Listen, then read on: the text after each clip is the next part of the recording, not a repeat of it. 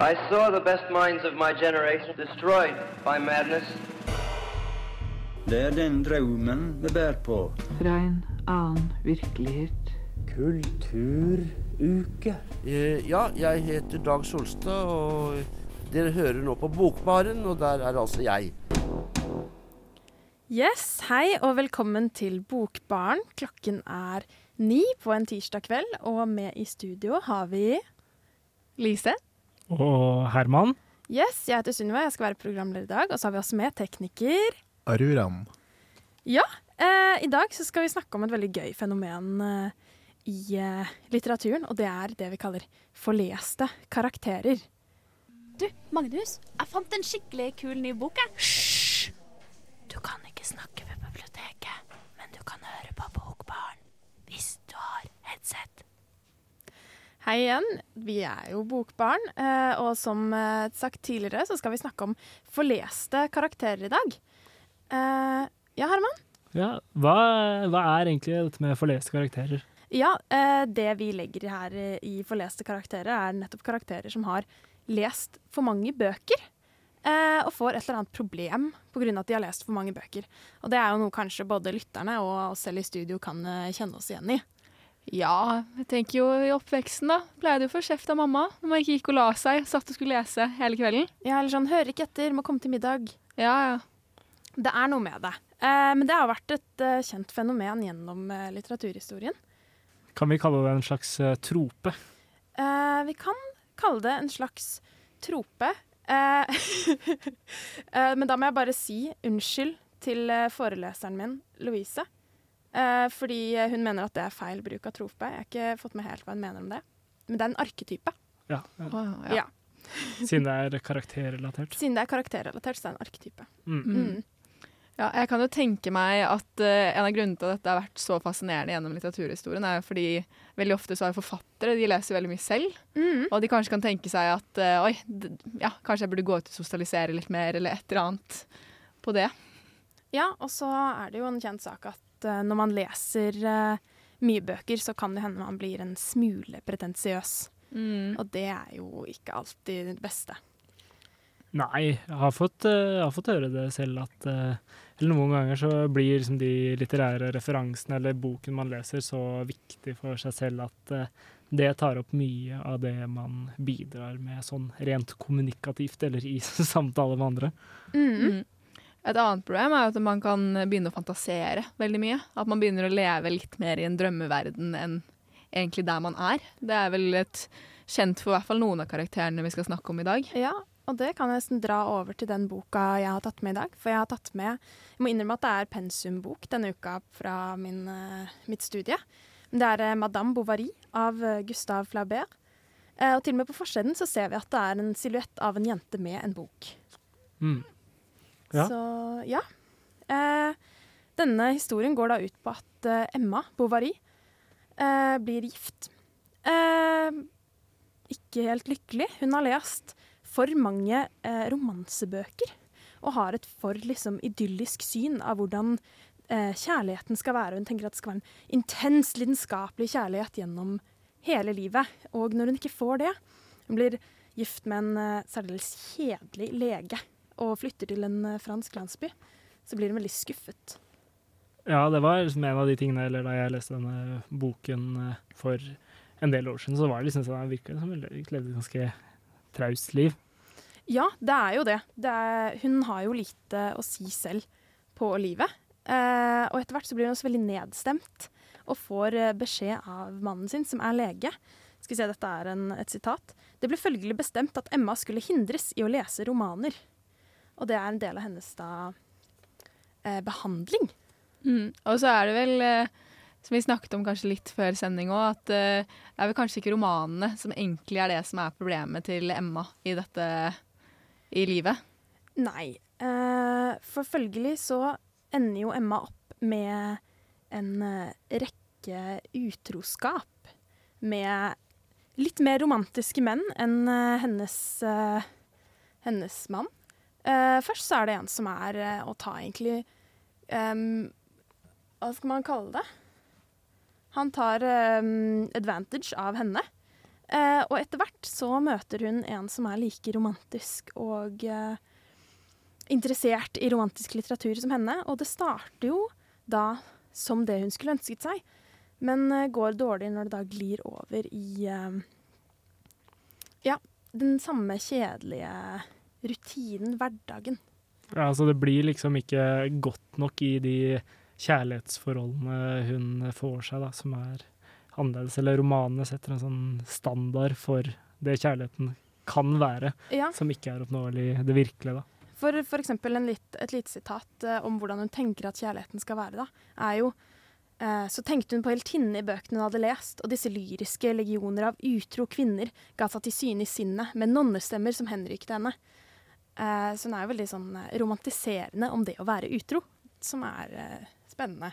Ja, og så er det vel noe med at hun lever jo et ganske begrenset liv i virkeligheten.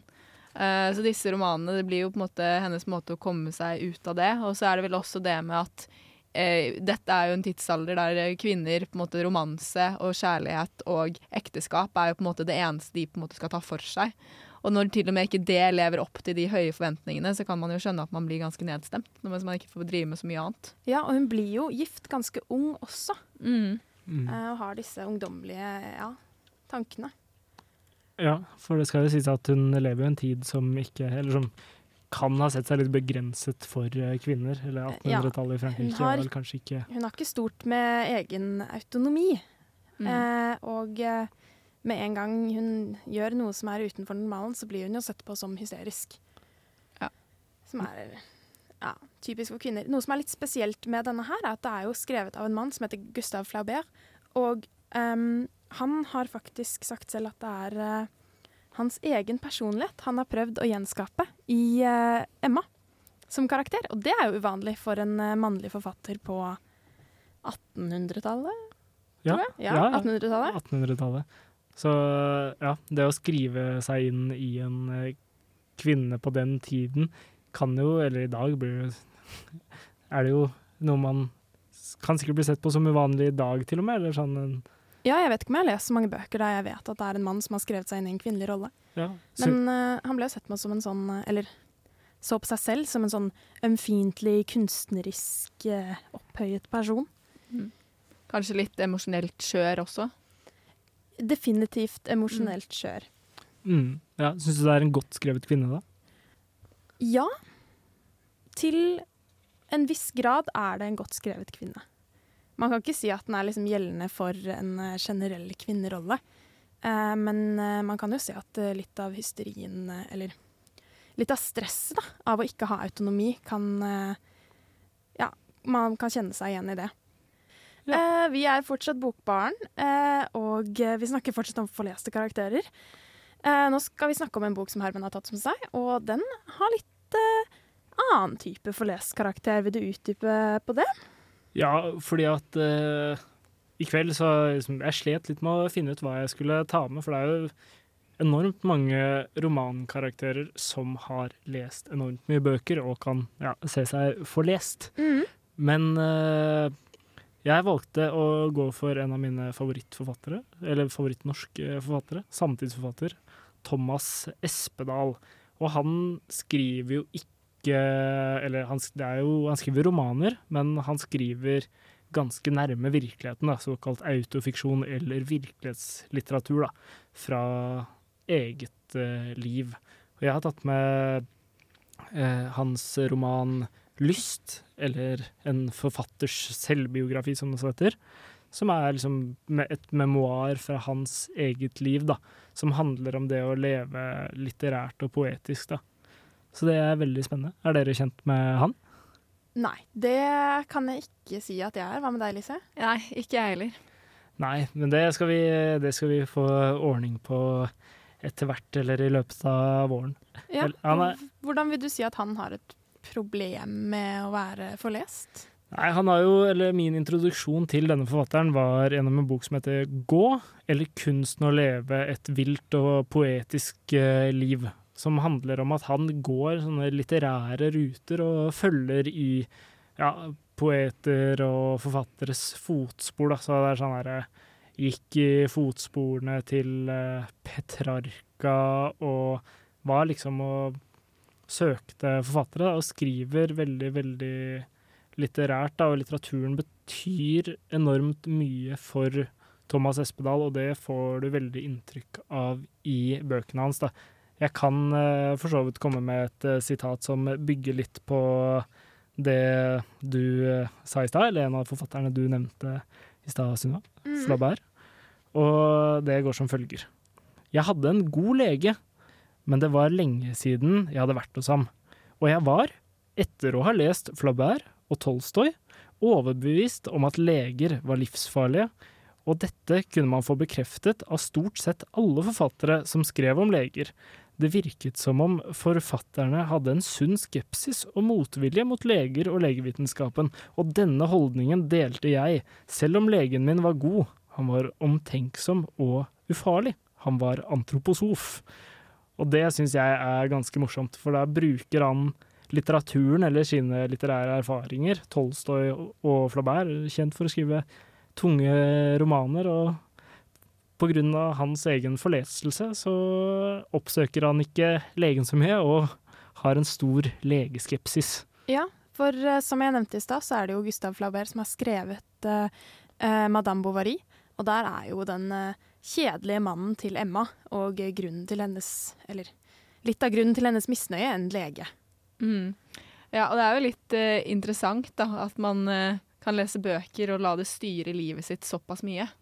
Mm. Ja, fordi at uh, jeg, sånn, jeg lar jo noe av litteraturen på en måte La meg ta noen valg i livet, eller lede meg inn i valg, som Hemingway, som har gitt meg en sånn der, enorm sånn entusiasme overfor Paris og sånn, men uh, kanskje ikke til akkurat den graden Espedal har. Hva med dere? Ja, jeg tenkte jo på det når du nevnte det med å gå i forfatteres uh, fotspor. Uh, for jeg skal jo snakke om en forfatter litt etterpå, da jeg har gjort akkurat det, da. At jeg har reist til hennes hjemby og gått rundt og lest henne mens jeg har gått akkurat det der hun har skrevet om det som skjer. Så ja, det har jo skjedd med meg òg. Mm, hva med deg, Sunniva? Har du sett deg inspirert, eller på en måte av din egen forleselse, at den på en måte har hatt en sånn sterk innflytelse på uh, ja, men kanskje på en litt annen måte. Uh, I starten av uh, vårt skoleår, eller semester, til høsten, så leste vi mye som er skrevet på um, heksameter. Og da følte jeg at i ca. en halvtime etter at jeg hadde satt meg ned og lest, så gikk tankene mine litt i heksameter, eh, som er da en rytme. Eh, og det er jo ganske spesielt, må jeg si. Ja, det er en du- spesiell opplevelse. Du ble liksom eh, Homer.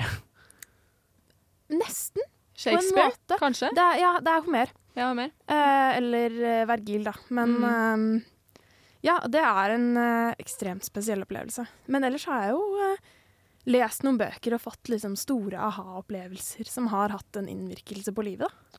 Ja.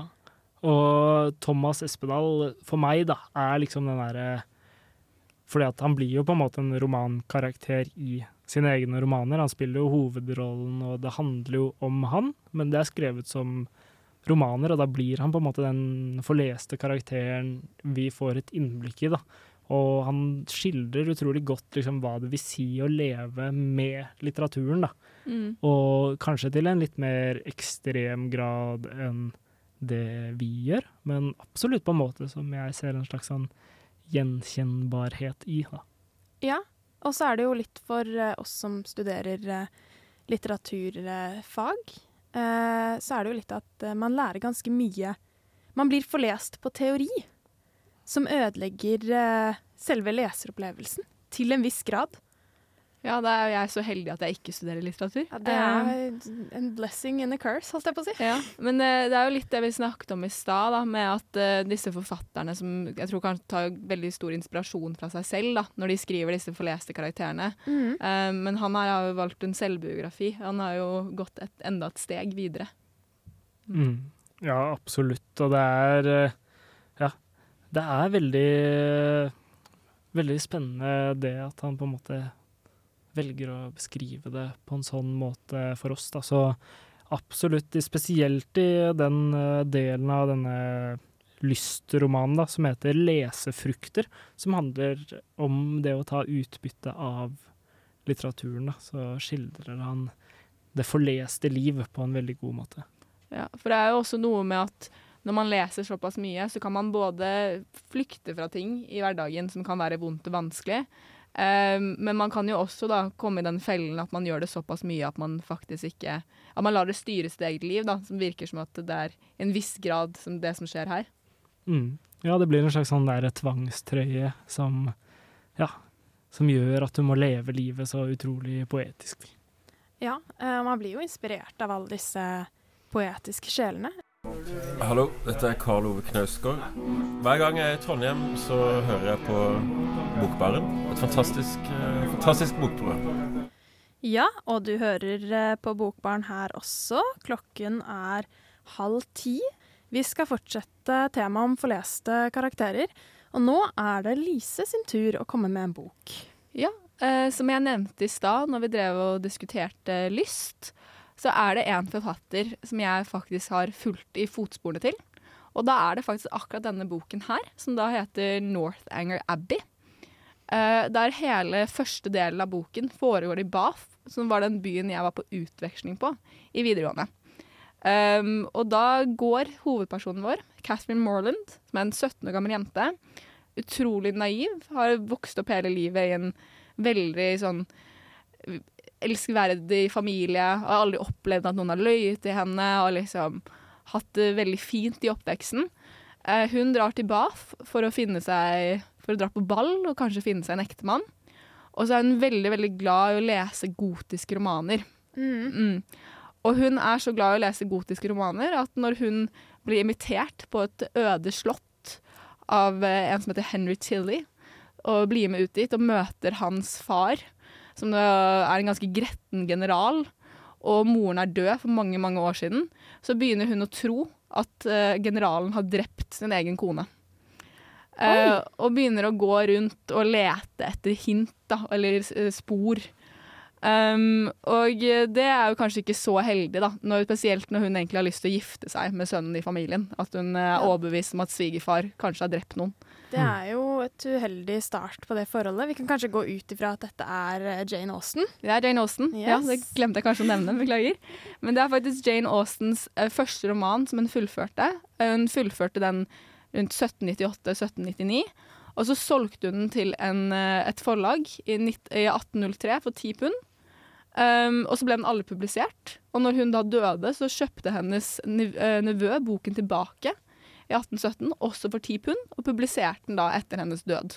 Um, og det er jo da en bok som hun skrev egentlig for familien. Fordi på dette tidspunktet så var gotiske romaner var det som var veldig, veldig populært i England. Og hun var veldig kritisk til gotiske romaner. Hun syntes ikke det var noe spesielt gøy, men hun hadde en søster som var veldig glad i det, så hun skrev denne boken egentlig for å gjøre litt narr av søsteren sin. da. Eh, og i boken så er det spesielt én bok som eh, Catherine Morland leser, som da heter um, The Tales of uh, Odolfo av Anne Radcliffe, som er en ekte bok. Um, som da handler om en gammel mann som har drept kona si. Um, og hun leser denne boken og blir som sagt helt overbevist om dette, om at hennes ja, fremtidige svigerfar har drept sin egen kone. Kan vi spørre om, eh, at, om eh, svigerfaren faktisk har drept kona? Får man vite det? Ja, det får man. Uh, man får også vite at han er en ganske gretten og spesiell mann, så man kan egentlig nesten skjønne det litt, vil jeg si. Jeg vil forsvare Catherine lite grann. Men det er blant annet en scene der det er en eh, gammel kiste, og hun blir helt overbevist at i denne kisten der ligger det liksom Der ligger mordvåpenet, da. Og så åpner hun den, og inni der så ligger det bare masse gamle kvitteringer. Um, og så er det den, kanskje det største på en måte det punktet i boken der på en måte alt på en måte der Catherine kanskje innsår hva hun, har, hva hun har gjort er feil, er jo når hun bryter seg inn på det gamle soverommet til Mrs. Shirley, og da også blir oppdaget av Henry, som da er hennes kjærlighetsinteresse. Og blir jo da egentlig får en ganske munnen full av han, da. Fordi han har jo også vært veldig oppmerksom på at hun liker litt å være sin egen fantasi, være sin egen verden. Og det er jo egentlig først da hun innsår at eh, OK, kanskje jeg bør slutte å tenke at verden er som en gotisk roman. Ja, for det blir, eller det virker som en sånn slags sånn metafortelling, i hvert fall Mm. når du har konteksten rundt med at en søster som er enormt interessert, og så blir det liksom Når du leser så mange sånne gotiske romaner, så blir du liksom Mm. Blir du helt oppslukt og ja, forlest, rett og slett.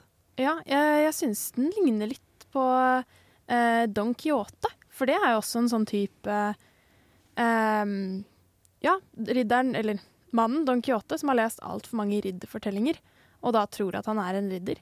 Mm. Så blir det nesten som hun som har lest litt mye gotisk, og tror hun er en Ja, gotisk heroine. grotisk hero... Ja. Ja, Uh, ja, heroin. Det var jo det engelske ordet. Uh, beklager. Men da var det jo at uh, hun blir Hun får litt på slutten, så får hun, får hun en liten seier med at Henry da forteller henne at hun hadde rett med at hans svar ikke behandlet deres mor noe bra, da.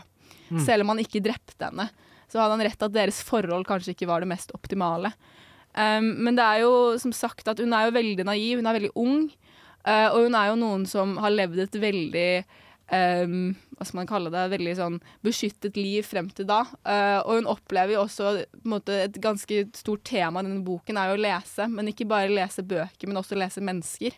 Og det er hun veldig veldig dårlig på helt fra begynnelsen av. Fordi hun er så vant til at folk bare kommer og sier akkurat det de mener, og at familien hennes er så elskverdig. At når hun da kommer til BAF, og hun kommer til måte, high society, og opplever folk som lyver, folk som har andre motivasjoner enn at hun skal ha det bra, så vet hun egentlig ikke helt hvordan hun skal oppfatte det, da. Ja, og, men eh, når vi er inne på Jane Austen her, det er jo en eh, forfatter du kanskje har forlest deg litt på? Ja, kanskje lite grann. Eh, som sagt, jeg har jo bokstavelig talt vært i hennes fotspor. Blant annet så er det en dansescene i Northanger Abbey eh, som foregår i eh, et rom som fortsatt fins i Bath. Og da gikk jeg faktisk inn i det rommet og hørte på akkurat det kapitlet fra den boken. Så jeg har kanskje forlest meg litt, det må jeg vel si. Ja, levd deg helt inn i det. Ja. Ja, jeg har jo hørt om en eh, teori om at folk som er forleste på Jane Austen, har høye standarder til menn. ja. Tenker du at det er en eh, Jeg vil jo si at Henry Tilly er jo en ganske bra mann, fordi han er også veldig glad i å lese. Og det er også en ting han eh, gjør når de sitter i denne, ehm, denne vognen da, på vei ut til Northanger Abbey, og hun sitter og snakker om sine gotiske romaner. Da følger han veldig godt med, har masse spørsmål til henne, er veldig fascinert og liksom spiller litt med da, når hun begynner å drømme seg bort i at det slottet han er fra, kanskje er et gammelt gotisk slott. Ja. Så jeg syns jo det er en ganske høy standard. da. Så Og- dine kriterier for eh, god mann er en som leser mye? Ja, eller i hvert fall høre på alt jeg har å si om de bøkene jeg leser. Ja, det, der er jeg enig. Ja, Ja, det er vel eh, et stort potensial for at eh, de vi velger å bruke tiden vår med, må høre på ganske mye om det vi ja leser. det kan jo godt hende. Mm. Um, og denne, det er faktisk et sitat da, fra Henry Tilly som jeg gjerne vil ta. Uh, og det er jo når uh, det er John Torp, som også prøver seg litt på Catherine i begynnelsen, sier at han ikke leser bøker. Da hvisker Henry Tilly til uh, Catherine at the person, be it gentleman or lady, that has no pleasure in a good novel, must be intolerable stupid. Ja, Det høres jo ut som et uh, veldig godt sitat her for Bokbarn. Mm. Ja. Hei, det er Tove Nilsen som har skrevet roman fra Nedre Singsaker, Singsakerbakken, og som endelig nå får være i Trondheim igjen i Bokbarn. Ja, og Nedre Singsakerbakken er jo ikke veldig langt unna der vi er nå. Som er eh, i studio på en tirsdag kveld. Eh, ja, vi skal fortsette litt diskusjonen eh, med forleste karakterer. Og først tenker jeg at vi begynner litt med Tenker vi at å være forlest er et problem i samfunnet akkurat nå? Hvis vi tenker bare på bøker først. Ja, man, eh, man sier jo at folk leser mindre og mindre. Um, og jeg vil ikke si at å være forlest når det kommer til bøker er et ganske stort problem. Men jeg syns jo f.eks. på BookTok eh, på TikTok så er det jo sånn eh, um, Ja, der kan jeg av og til si at folk er litt forleste. Jeg hørte jo blant annet om en kvinne som Hun leste så mange hockey, sånn romance novels, og så ble hun invitert på en hockeykamp. Og så drev hun da og på en måte sammenlignet spillerne på det laget med folk i bøkene. Og disse hockey romance novels de inneholder jo ja, litt mye erotikk, da. Og da ble det jo at veldig mange av de spillerne følte seg veldig ukomfortable når de fikk høre dette her i ettertid. Og det vil jeg si at er en person som er litt forlest. Ja, det må vi vel si. Ja, jeg er for så vidt enig i den. Jeg skulle egentlig si et utelukkende nei. Vi er ikke for Eller det er ikke et problem, men så ja, det kommer litt an på hva slags bøker det er man ser seg forlest på. Fordi jeg mener selvfølgelig at det jeg er forlest på, det er jo superbra og gjør meg til et bedre menneske og en bedre person å være med. Men så klart, hvis det er feil type litteratur, og, eller feil, ikke feil type litteratur, det finnes vel ikke, men allikevel litteratur som kanskje ikke holder ønskelige verdier eller noe sånt, da kan noen se seg litt forleste. Uh, ja, jeg så faktisk Dette er veldig avslørende for meg selv, men jeg så faktisk uh, en TikTok om uh, en dame som hadde blitt dratt inn i en Colleen Hoover-kult ja. i tre måneder. sånn typisk bor med den kulten og blir drugga ned og sånt. Og det Da vil jeg si at den gjengen der er kanskje litt forleste. Ja. Er konklusjonen vår her at nei, folk er ikke forleste, med mindre det er på BookTok? Er det det som ja. Det høres jo litt sånn ut, ja. men har vi, andre, vi, har jo andre fenomener i samfunnet som folk er ekstremt opptatt av. Uh, jeg vil jo kanskje si at uh, noen er litt skal vi si, forhørte, det høres jo litt feil ut, da, men på uh, Taylor Swift. Swifties er jo er veldig spesielle parasosiale forhold der.